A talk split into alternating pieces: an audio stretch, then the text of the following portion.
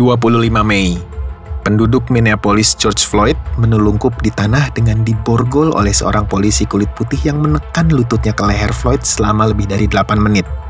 Floyd, seorang pria kulit hitam berusia 46 tahun, dicurigai mengeluarkan uang kertas 20 dolar palsu. Dia tidak responsif ketika para medis tiba, dan kemudian dia dinyatakan meninggal. Kerusuhan akhirnya meletus di Minneapolis, tempat para pemrotes membakar gedung-gedung dan di beberapa kota di seluruh negeri. Petugas polisi tersebut dipecat dan didakwa melakukan pembunuhan tingkat tiga, dan diikuti oleh tiga polisi yang lainnya juga telah dipecat.